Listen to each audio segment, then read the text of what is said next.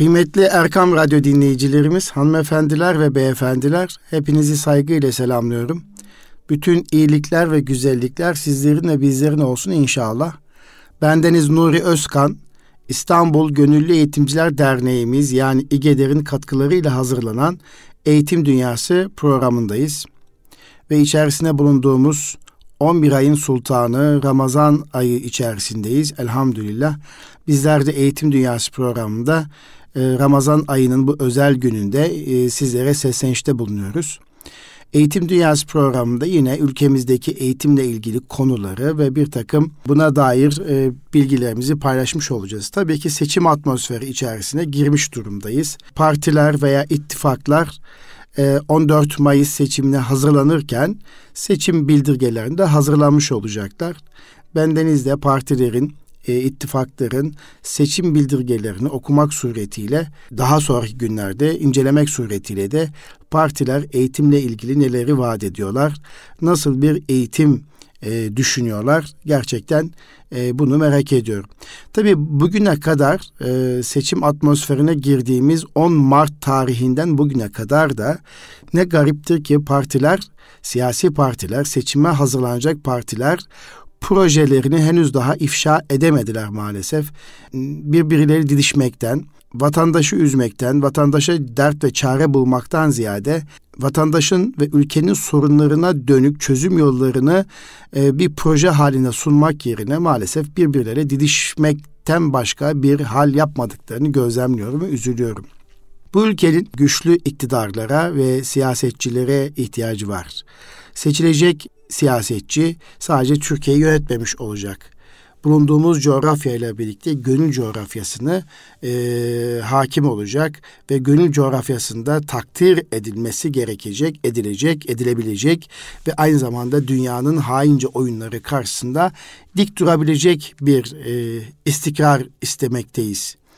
Tabii bununla birlikte 6 Şubat 2023 tarihinde yaşadığımız Kahramanmaraşlı depremin etkileri hala devam ediyor. Ee, binlerce, milyonlarca insanımız çadır hayatında veya konteyner şehirlerde, kentlerde yaşıyor. Birçok bir zorluklar yaşanıyor. Bu arada e, bir yıl içerisinde deprem konutlarının, kalıcı konutların depremzede vatandaşlarımıza yetiştirilmesi için canhıraş gayretler devam ediyor oradaki şehirlerin mamur edilmesi için yoğun bir çalışma var. İşte e, bir deprem bölgesinde 11 tane elimizdeki yaşanan depremin ortaya çıkardığı milyar dolar e, olarak ifade edilen 204 milyar doların üzerinde bir e, maliyetin ortaya çıkacağı, harcamanın ortaya çıkacağı büyük devasa bir bütçeden bahsediliyor. Bununla birlikte ülkenin içerisinde yaşadığı hayat pahalılığı e, ve ülkenin etrafındaki kuşatılmışlık, e, hain e, devletler ve Türkiye'nin güçlenmesi istemeyen e, devletler tarafından kurmak istenen tuzakları da görür olarak bu seçim atmosferine gitmek gerekiyor. Tabii vatandaşımız, milletimiz e, ferasetiyle e, davranacaktır hiç şüphesiz. Biz burada bir eğitimci olarak e, bir yönlendirme yapmaktan ziyade neyin nasıl doğru olduğuyla ilgili çok iyi bir değerlendirme yapmak gerekiyor. Tabii ki kızgınlıklarımız var, öfkemiz var. Bazen beklentilerimizi karşılayamadığımız için zaman zaman hayal kırıklıklarımız şüphesiz var. Bunların hepsini her e, dönemde değişik şekillerde yaşadık, yaşıyoruz, yaşamaya da devam edeceğiz. Bundan sonra da yaşamaya devam edeceğiz. E, ehveni diye bir kavram var. Yani e, en e, iyi seçebilmek, o kadar e, eksikler içerisinde en az eksiği olanı seçebilmek, tercih edebilmek meselesi olarak hadiseye bakmak lazım. Tabii Ramazan ayı içerisindeyiz. Ramazan ayı içerisinde bu manevi hayatımızda özel bir yeri olan Ramazan ayında oruç e, tutuyoruz e, ve bu Ramazan ayı bizlere sabrı tavsiye ediyor, şükrü tavsiye ediyor, tövbeyi tavsiye ediyor ve tefekkür tavsiye ediyor. İşte böyle bir e, ayda Ramazan ayında duygularımıza sabır, şu, şu ana kadar sahip olduklarımıza şükür ve şımardıklarımıza tövbe ve yaşadıklarımızı tefekkür ederek e, biz e, bu seçime gitmek zorundayız. 14 Mayıs seçimine gitmek zorundayız. Tabi Ramazan ayı içerisinde bulunmuş olmamız nedeniyle de e, sokaklarda esis gibi bir meydan mitingleri henüz başlamadı, göremedik, göremeyeceğiz gibi de gözüküyor. Çünkü depremin yası ve acısı da devam ettiği için zaten siyasi partiler e, bu seçimlerde meydan meydan mitikler yapmayacaklar. Yüksek sesle müzik çalmayacaklarla alakalı e, taahhütleri var, açıklandırmalı açıklamaları var. Sonuçta hem Cumhurbaşkanı'nın seçiminin yapılacağı hem de Türkiye Büyük Millet Meclisi üyelerinin seçiminin yapılacağı e, bir e, ortam olacak 14 Mayıs? Ve şu anda e, partiler e, kendilerini iktidara taşıyacak Türkiye Büyük Millet Meclisi'nin üyeleri olacak e, siyasetçileri, milletvekillerini belirlemek için canhıraş çalışıyorlar. Her bir parti kendisince bir usul belirlemiş durumda ve başvurular tamamlandı. Şu anda mülakatlar yapılıyor. Kıymetli Erkam Radyo dinleyicilerimiz, bulunduğum yaş itibariyle birçok seçime gördüm, seçim sonuçlarını gördüm, seçim atmosferini yaşadım ve 28 Şubat süreciyle birlikte bugüne kadar gelen süreçte birçok durumlara şahit olduk. Tabii ülkenin şu anda sahip olduğu imkanları, fırsatları görememiş ve geçmişteki olayları bilemeyen e, gençlerimiz veya belli bir yaş grubu 30-35 yaşın altındaki insanlarımız takdir noktasında yanılıyor olabilirler. Ülkenin e, şu anda bulunduğu atmosfer içerisinde kim kime saldırıyor, kim kimi istemiyor kim kimi istemiyor bunu çok iyi bakmak lazım. E, kimler neyi istiyor, kimler neyi istemiyor. Buradan da yola çıkarak ferasetli bir seçim yapma imkanımız var. Dedik ya Ramazan ayı sabır, Tabii ki bu seçim atmosferine giderken bir takım provokasyonlar da olacak. Özellikle içerisinde bulunduğumuz sosyal medyanın etkisiyle bizleri yanıltacak bir takım haberler de ortaya çıkacak. Ee, mesela birkaç gündür yaşıyoruz. Ee, bunları yaşıyoruz. Bütün bunlara karşı da sakin olabilmek gerekiyor. E, ve e, yine 14 Mayıs'a giderken sahip olduğumuz nimetlere şükredecek şekliyle e, bir tercih yapmak gerekiyor. E, yine e, kim kime e, karşı ve neyi istemiyor bütün bunları ve e, Türkiye'nin e, geldiği noktada e, muasır medeniyetler seviyesi çıkabilme noktasında gösterdiği atılımları ve e, 2000 2050 vizyonunu, 2051 vizyonunu, 2071 vizyonunu e, ortaya koymuş bir e, siyasi ortam içerisinde e, aklı selim bir tercihin ortaya çıkacağını düşünüyoruz. Tabii e, seçim bildirgelerinde siyasi partiler e, depremi gündeme alacaklardır öncelikle. E, bununla birlikte biz eğitimle ilgili neleri vaat ediyorlar bunun da takipçisi olacağız. Evet dedik ya e, Ramazan ayı içerisindeyiz. Ramazan ayı sabır, şükür, tövbe ve tefekkür ayıdır ve içerisinde Kadir gecesini ihya eden bir şerefli aydır. 11 ayın sultanıdır. Bin aydan daha hayırlı Kadir gecesi içinde saklayan e, 11 ayın sultanı e, Kur'an ve ibadet ayı içerisinde de ülkemiz için, milletimiz için dua edeceğiz. Hem fiili duada bulunacağız hem de kavli duada bulunacağız. Ramazan ayı e, hayır ve hasenat ayıdır. Bu vesileyle e, etrafımızdaki yoksulları, fakirleri, kimsesizleri unutmayacağız. Özellikle deprem bölgesindeki e, vatandaşlarımızı unutmayacağız. Zaten unutmuyoruz. Elhamdülillah camilerimizde sürekli cuma günleri hatırlatılıyor. Devletimiz sürekli hatırda e, tutuyor, hatırlatıyor. E, bizler de Ramazan ayı içerisinde hayır ve hasanatta e, bulunurken de bu bölgedeki e, insanlarımızı tabii ki unutmayacağız inşallah. Ramazan ayı cennet kapıların açıldığı, cehennem kapılarının kapandığı ve şeytanlar zincire bu, bu, bağlandığı bir ay olarak Peygamber Efendimiz sallallahu aleyhi ve sellem tarif eder.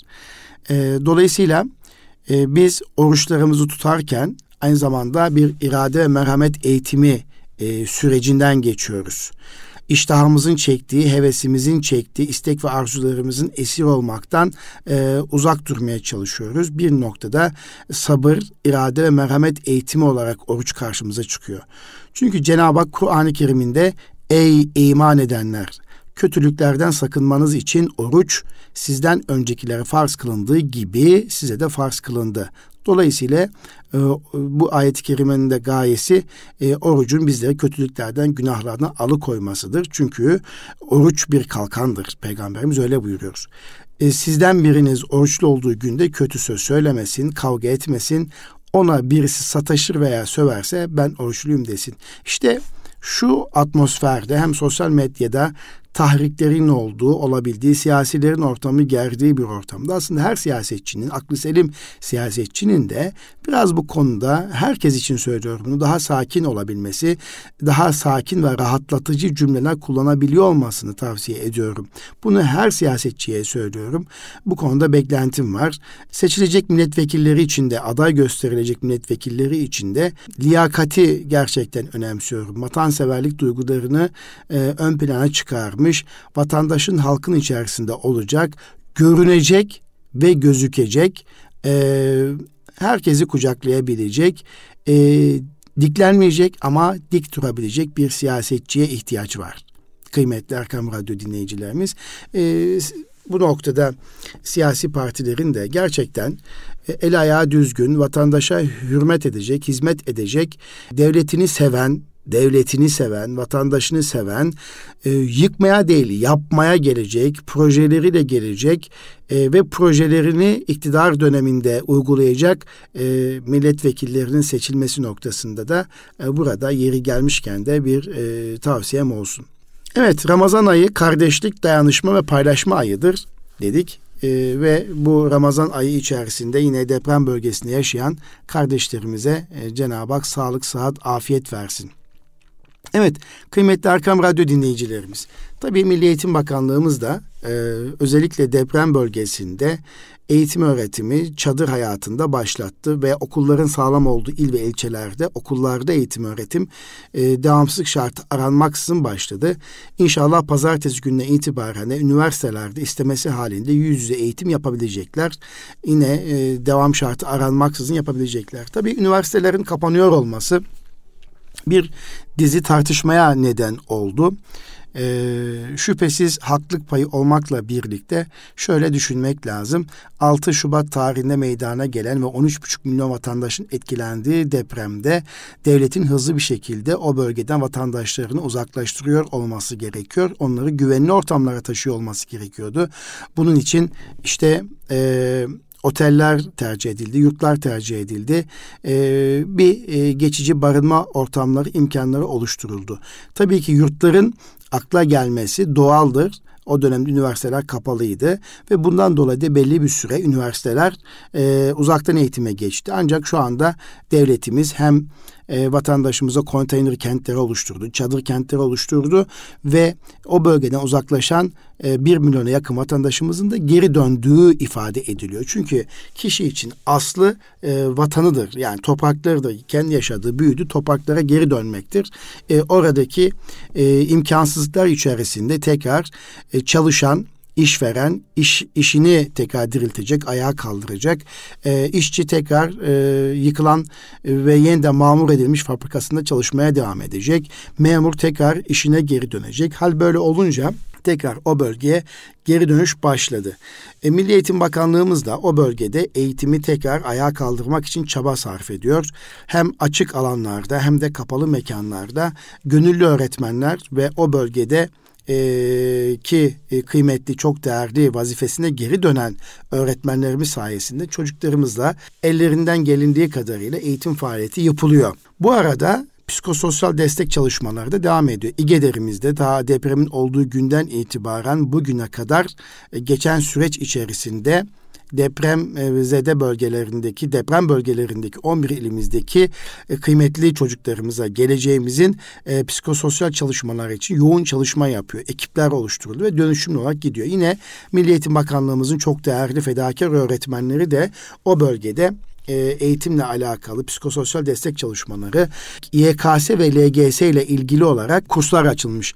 Milli Eğitim Bakanlığı'nın verilerine göre DYK kapsamında 809 zun üzerinde 800'ün üzerinde diyeyim 800'ün üzerinde eğitim alanları oluşturulmuş. Yani 8. sınıf öğrencilerimiz, sınav öğrencilerimiz ve 12. sınıf öğrencilerimiz o, o bölgede sınava hazırlanıyorlar.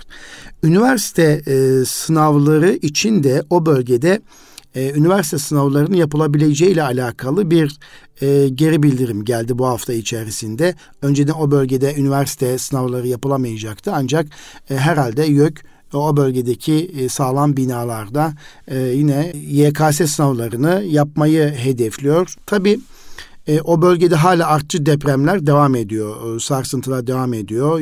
İşte sürekli AFAD'ın her gün birkaç tane deprem e, duyurusunu e, alıyoruz. Alıştık galiba. Eski tedirginliğimiz yok.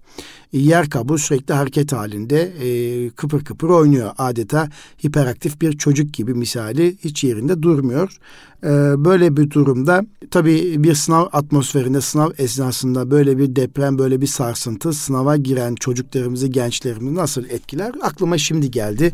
Bunu da buradan paylaşmak istiyorum. Evet, kıymetli Arkam Radyo dinleyicilerimiz tabii bugünlerde yani afetler, ya musibetler üst üste geliyor.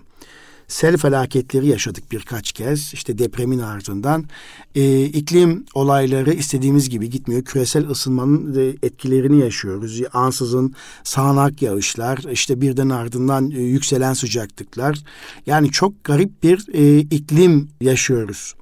Buna da küresel ısınma diyorlar. Yani çevrenin değişik şekillerde etkileniyor olması. Aslında bizim doğaya karşı e, yani doğayı ve doğa bilimlerini çok iyi biliyor olmamız gerekir. Doğayı korumak, doğayı incitmeden, doğanın e, istemediği şeyleri yapmaksızın hayatı sürdürebiliyor olma noktasında bir irade ortaya koymamız gerekiyor.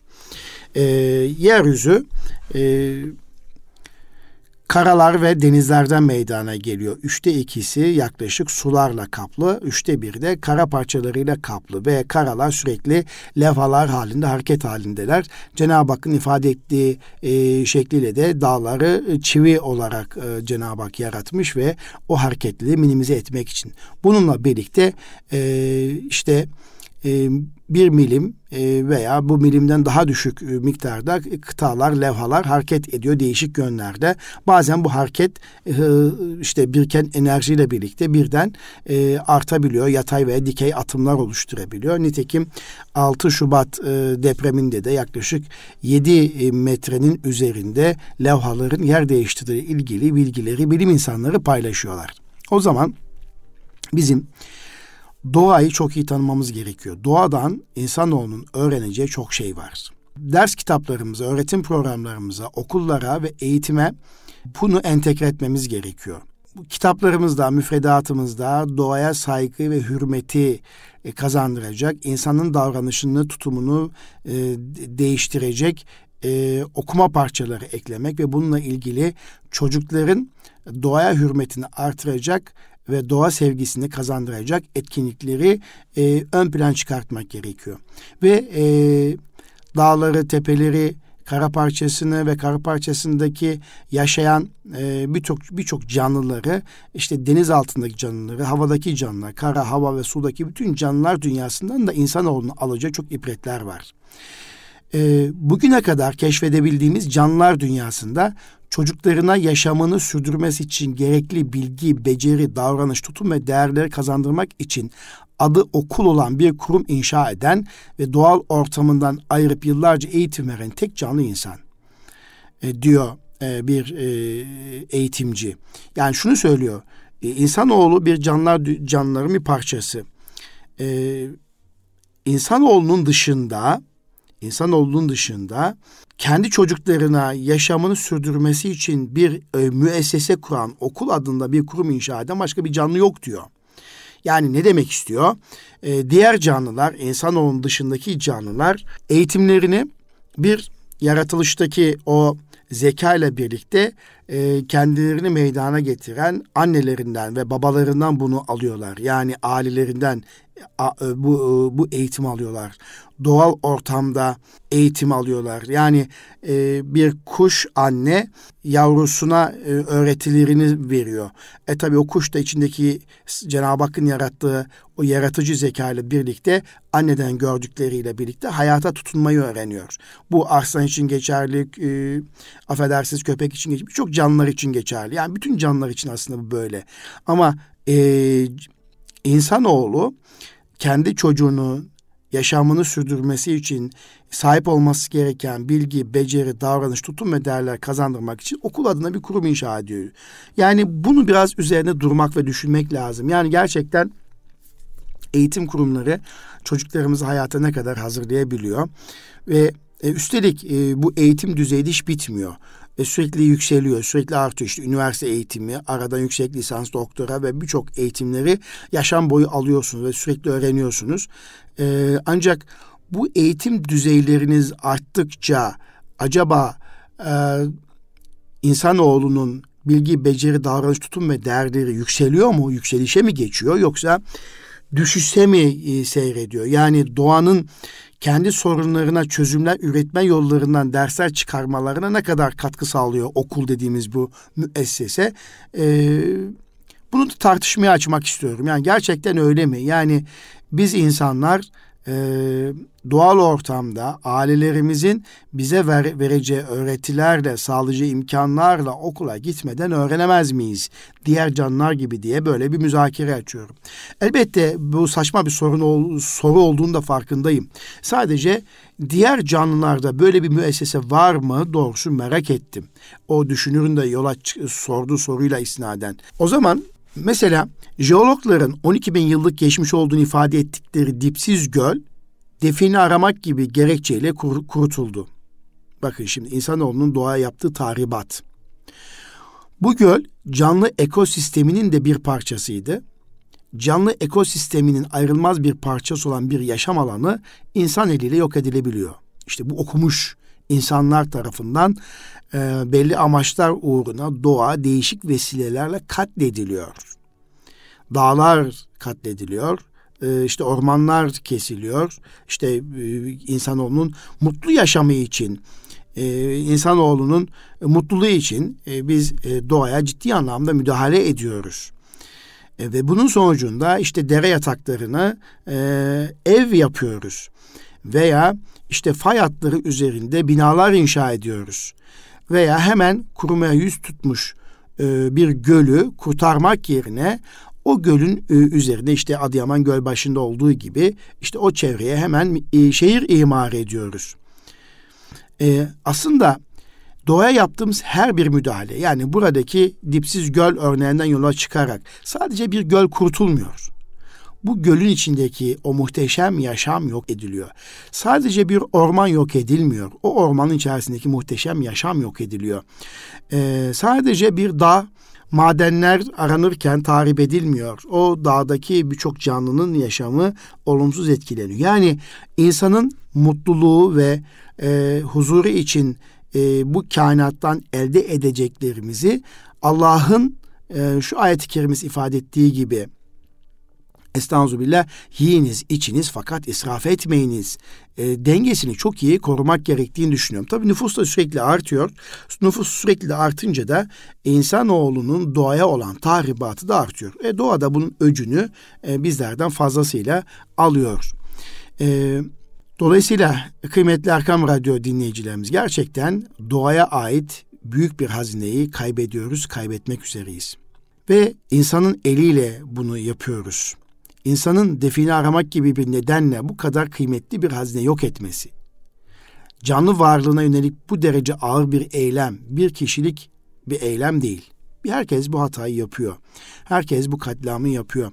O zaman okul öncesinde yüksek öğretime kadar tüm kademelerde eğitimi ve bu eğitimde insanın doğa ile olan ilişkisinin nasıl kurgulandığını yeniden sorgulamamıza ihtiyaç var. He bunu okumuş insanlar yapıyor, bizler yapıyoruz. Yani hepimiz bu e, sorunun bir parçasıyız. O zaman e, insan ile doğa arasındaki ilişki nasıl bu kadar yıkıcı olabilir? Bunca okunmuş okunmuşluğa rağmen okul denilen eğitim kurumunda e, eğitim kurumlarında biz bu eğitimi alıyor olmamıza rağmen bu hataları nasıl yapıyoruz? E, mesela biyomimikri e, geçtiğimiz haftalarda yine e, bir yayın evinin e, birinci sınıf öğrenciler için çıkarttığı kitabı incelerken karşıma çıktı. O vesileyle ben de biraz biyomimikriye baktım. E, henüz Türkiye'de büyük ölçüde dikkatlerden uzak kalan ama pek çok ülkede hem eğitimde hem de bilim ve teknolojide hızla yaygınlaşan ve uygulama alanı olan bir kavram biyomimikri. Biyomimikri nedir? İnsanın üretim yaparken bir şey geliştirirken doğayı tüketişi, tüketimiyle doğaya verdiği zararın boyutları bir yana insanın define bulmak gibi bir gerekçe ve çıkar için doğaya karşı eylemlerin geldiği nokta eğitim öğretimde insan doğa ilişkisine dair bir kırılma noktası olabilir.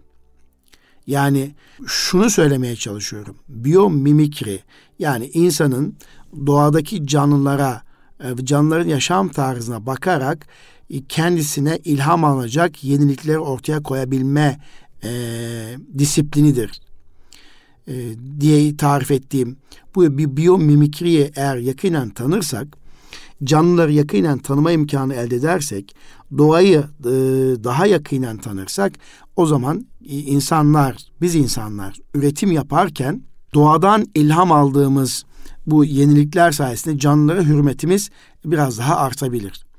Doğada canlıların nasıl ürettiği, nasıl tükettiği ve karşılaştıkları güçlüklerin üstesine nasıl geldiklerini derinlemesine bakmak, insanın diğer canlılara ve hem cinslerine karşı davranışlarını esaslı bir şekilde değiştirebilir. Belki doğayı bu biyomimikri dediğimiz e, hususiyet üzerinden gençlerimize, çocuklarımıza anlatabilir ve doğa sevgilerini aşılayabiliriz. Dolayısıyla okullarımızda e, biyomimikri üzerine yapacağımız çalışmayla doğa sevgisi ve canlılara karşı sevgisi oluşmuş ve onları bir tefekkür mahiyetinde inceleyen gençlerimiz yetiştiklerinde, mühendis olduklarında, doktor olduklarında, avukat olduklarında, bir takım e, bilim insanları olduklarında e, doğaya e, ürettiklerinin doğaya zarar vermeyecek şekliyle yapabilmeleri imkanı sağlar. İşte eğitim öğretim yönetiminde, içeriğinde, uygulamalarında ve süreçlerinde yeni bir paradigma kapısı açar diye düşünüyoruz. İnsanın doğa ile ilişkisi daha çok doğada olan şeyleri tüketmenin daha düşük maliyetle, daha kitlesel ölçekte ve daha büyük bir hızla gerçekleştirilmesi üzerine kurgulanmış gibi gözüküyor. Bir yandan da doğayı tüketmede en büyük payı olanlar doğanın korunması ve doğa ile ilişkiler üzerine e, tembel romantizm türü söylemler üretmeye devam ediyor diyor Emin Karip.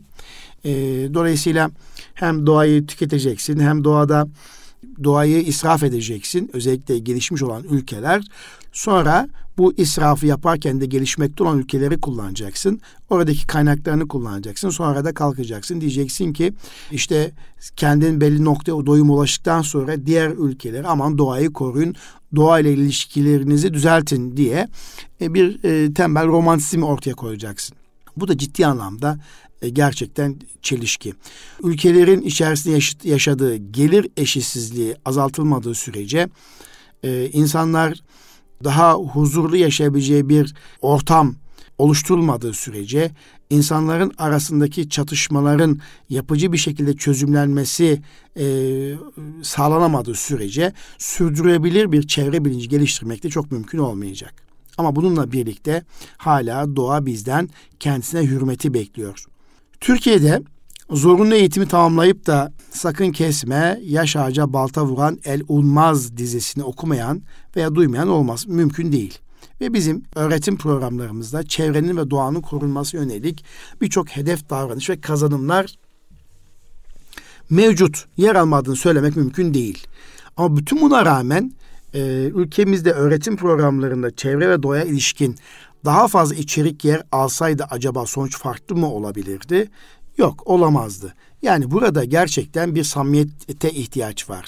Bizim öğretim programlarında hedef davranış ve kazanımların eksikliğini yok veya buradaki hedef ve kazanım davranışı artırmak da çözüm değil. Ee, özellikle e, öğretim programlarına yeni içerikler veya dersler eklemenin ötesinde biz bu olayı ele almamız lazım. Çocuklarımız e, etrafında gördükleri canlı hayatı e, nasıl kavrayabilirler? E, o canlı hayatın özelliklerini nasıl bilebilirler? E, bu anlamda fen bilgisi müfredatını belki bu biyomimikriye bakışla birlikte farklı bir şekilde geliştirmek gerekebilir. Kısacası insan en etkili ve sürdürebilir buluşlarını doğadan ilham alarak gerçekleştirdiği kesin. Buna bir biyomimikri diyoruz. Biyomimikri bir disiplin olarak yakın geçmişte çalışılmaya başlanmış olsa da aslında insan yüzyıllardır doğanın kendi sorunlarına nasıl çözümler ürettiği, doğada sistemlerin, tasarımların, süreçler nasıl işlendiğini örnek alarak bunları taklit ederek kendi güçlüklerinin üstesinden gelmeye çalıştı. İlk uçuş denemelerinde kuşların kanatlarındaki tasarımın ki Hazarfan Ahmet Çelebi hikayesini biliriz. Güneş enerjisinden yararlanmada yaprakların güneş enerjisini nasıl aldığı ve dönüştürdüğünün yapıştırıcıların geliştirilmesi ve daha güçlü fiber materyallerin geliştirilmesinde doğadaki tasarımların örümcek ağlarının örnek alınması, uzay araştırmalarında ve seyahatlerinde doğadaki tasarımlardan ilham alınması, yapay zeka uygulamalarında canlıların nasıl öğrendiği ve davrandığından hareketle modellemeden yapılmasına kadar pek çok alanda doğa insan için bir model, ölçü ve mentor olarak işlev gördü. İşte işin özeti burası. Yani bugün depremden yola çıktık belki ama bizim bundan sonraki yaşamımızı sürdürürken e, doğayla barışık bir hayat, doğayla barışık bir üretim tarzı elde edebiliyor olmamız lazım. Birleşmiş Milletler'in 2015 yılında sürdürülebilir kalkınma hedefleri çerçevesinde 17 tane başlık belirlediğini biliyoruz. 2015 yılından günümüze kadar Birleşmiş Milletler'de özellikle Avrupa ülkelerinde sürdürülebilir kalkınma hedefleri doğrultusunda e, eğitimciler çocuklarını bu anlamda eğitmeye başladılar. Ve aslında tasavvuf bilincini de sağlayan doğaya hürmeti anlattıklarını düşündüğümüz bu başlık çerçevesinde bir bilinçlenme yapıldı. Dolayısıyla küresel ısınmanın e, hat gösterdiği, hat safhada olduğu bu günlerde kuraklık hat safhada bütün dünya ülkelerinde ve enerji krizinin olduğu bir ortamda bir ülkenin cumhurbaşkanı 10 maddelik bir tasarruf tedbirleri yayınladığı zaman hiçbir vatandaşı kalkıp da bu ülkeyi ne hale getirdiğini sorusu sormuyor. Örnek e, ey vatandaşım duşlardaki suyunuzu dikkatli kullanın ve duş sürenizi 5 dakikayla sınırlandırıyorum. İşte hava sıcaklığının 16 derecenin üstünde olduğu bir ortamlarda ısıtıcıları söndürmenizi, e, kapatmanızı istiyorum. Kapatılmadığı takdirde şu kadar yaptırım uygulayacağım diyor. Bunları söyleyen gelişmiş ülkelerin cumhurbaşkanları, devlet başkanları. Bunu söylediklerinde ülkenin vatandaşı ey e, seçmen, ey başımızdaki adamlar ülkeyi ne hale getirdiniz diye soru sormuyor. Çünkü bu bilinçle yetiştikleri için öğretmeni de vatandaşı da buna saygı gösteriyor ve e, daha az enerji tüketimi için, daha az yakıt tüketimi için, su tüketimi için e, gayret gösteriliyor. Bunu doğaya hürmetleri gereği yapıyorlar. Devlet başkanlarının yapmış olduklarını bir hatırlatma olarak değerlendiriyorlar. Dolayısıyla bizim doğayı örnek alarak geliştirdiğimiz pervaneler, geleneksel pervanelere göre yüzde 85 daha az elektrik enerjisi tüketiyor. Bu pervanelerin kullanım alanlarının yaygınlığı dikkate alındığında basit gibi gözüken bu gelişmenin küresel ölçekte muazzam bir enerji tasarrufu sağlayacağı açık. O zaman doğadaki canlılardan ilham alarak tasarımlar yapmak, çözümler üretmek, yeni teknolojiler geliştirmek, insanın bilim, mühendislik, tıp gibi alanlarda sıkça başvurduğu bir yaklaşım. Şimdi geçtiğimiz günlerde Kızıl Elma'nın test sürüşü içerisinde e, üçüncü bir testten geçti biliyorsunuz. İki gün önce e, uçuşunu seyrettik elhamdülillah. E, insansız savaş uçağımız Kızıl Elma. Şöyle baktım e, sanki onlar da oradaki mühendisler de mühendis kardeşlerimiz de e, o biyomimikriden doğadaki canlılardan ilham alarak bir tasarım yaptıklarını gördüm gözlemledim. Yine İHA için SİHA için yani oradaki şekillere bakarsanız e, doğadaki bazı canlılara benzediğini e, görürsünüz. O zaman e, insanın bilim, mühendislik, tıp gibi alanlarda sıkça başvurduğu yaklaşım olmalı doğa. Ee, insanın yaşanabilir bir dünyanın sürekli sağlaması, sorunlara sürdürebilir çözümler üretmesi, insanın diğer canlıların varoluşlarını öğrenme, enerji, beslenme, barınma ile birlikte yaşama gibi alanlardaki güçlüklerini nasıl aştıklarını anlamak için merakla doğaya bakmayı, doğayı örnek almayı ve doğayı bir öğretmen olarak görebilmeyi deneyimlemesine bağlamak için de biz öğretmenlerin bu konuda gayret göstermesi gerekiyor. Biz eğitimcilerin de biraz daha doğayı tanıması gerekiyor. Dolayısıyla Biyomimikri doğanın kanunları, stratejileri ilkeleri ne şu şekilde özetleyerek ben de bugün Eğitim Dünyası programını bitirmek istiyorum. Evet doğa güneş enerjisiyle işler. Doğa sadece ihtiyacı olan enerjiyi kullanır. Doğa biçim ile işlevi örtüştürür. Doğa çeşitliliğe dayanır. Doğa uyum sağlar. Doğada ilişkiler simbiyotiktir. Doğada bütün parçalar toplamdan daha fazladır. Doğa yaratılış hikayesine uyum sağlar. E, şu günlerde e, bizler e, doğanın genetiğini bozmak için çaba sarf ediyoruz. Ürünlerimizin de genetiğini değiştirmiş organikler diye de GDO'lu ürünler biliyorsunuz ortaya çıkıyor. Tadı ve lezzeti kalmıyor. Sadece e, işte verimliliğini artırmış oluyorsunuz vesaire. Ee, insanın da genetiğini değiştirmek için e, gayretler var, aç, açılımlar var. İnsanın bir yaratılış hikayesi var. Cenab-ı Hak e, insanoğlunu bir mucizevi şekilde erkek ve e, bayan olarak, dişi olarak yaratıyor. Diğer canlıdan yarattığı gibi. Ama ne hikmetse biz insanlar bu yaratılış hikayesini, hikayemizin zıttına e, biz fiziksel müdahalelerde bulunuyoruz. Bulunmaya çalışıyoruz ve bunu bir e, özgürlük olarak sunuyoruz. İşte aslında bugün ben bu temayı işlerken nasıl ki doğaya e, aykırı tutum ve davranışlarımız e, bizleri mutlu etmiyor, aksine bize çok zarar veriyorsa doğanın yaratılış hikayesine aykırı davranışlarımız insanoğlunun yaratılış hikayesine yaratılışına aykırı söylemlerimiz, davranışlarımız, fiziksel müdahalelerimiz de insanoğluna mutluluk vermez. Asla mutluluk getirmeyecektir. Tarihte bunu gördük. E, bunu gördük. Lut kavminde e, Cenab-ı Hak bunu anlatıyor. E, öyle olunca ya bazen profesörler, biyologlar bile insanın tercihinde özgür olması gibi saçma sapan bir şeyi söylüyor olmalarını acayip bir, bir tuhaf karşılıyorum ya. Yani bunun Kur'an-ı Kerim'de yeri yoktur. Kur'an-ı Kerim'de böyle bir yasaklama yoktur diye anlatımları da doğru bulmuyorum. Yani e, canlılar dünyası mühendislik alanlarda gözle görülür bir ibret sunuyor bize. Ama biz bu canlılar dünyası uzaklaştığımız gibi bundan ders almaya kalkmadığımız gibi insanın biyolojisini ve genetiğini bozmak için söylemlerde bulunuyoruz ve bunu ön plana çıkartıyoruz. E işte aileyi bozmayacağını iddia ediyoruz. Bütün bunları e, çok iyi takip etmek lazım. Bu tuzaklara gelmemek gerekiyor. Canlılar dünyası bizler için model, bizler için ölçü ve mentor olarak öğrenmeyi anlamlı ve sürdürülebilir hale getiriyorsa biz insanlar içinde bu Cenab-ı Hakk'ın yaratılışında yeryüzüne halife olarak gönderdi. Biz insanların da hem bu canlılara hürmetimiz eksik olmayacak, onları israf etmeyecek şekliyle tüketim yapacağız ve tabiata, doğaya, doğanın kanunlarına aykırı eylemde bulunmayacağız. İnsanoğlunun genetini değiştirmek isteyen grup ve kuruluşlara karşı da biraz daha ferasetli durmak gerektiğini düşünüyorum. Kıymetli Erkam Radyo dinleyicilerimiz işin özeti okul insan doğa ilişkisini sürdürebilir bir dünya ve sürdürülebilir bir yaşam için sağlıklı bir şekilde geliştirmek istiyorsa çocukla doğanın ilişkisinin sürekliliğine imkan tanımalı.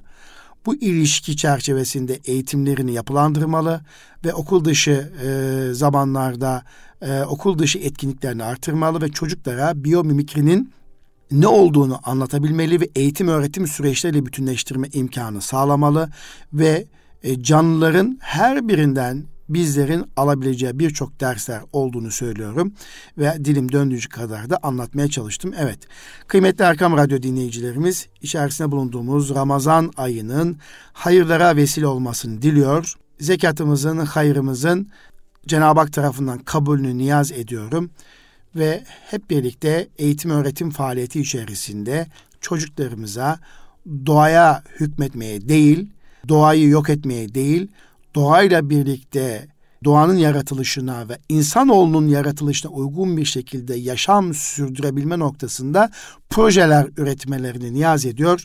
Bir sonraki Eğitim Dünyası programında buluşmak dileğiyle kalın sağlıcakla Rabbime emanet olunuz.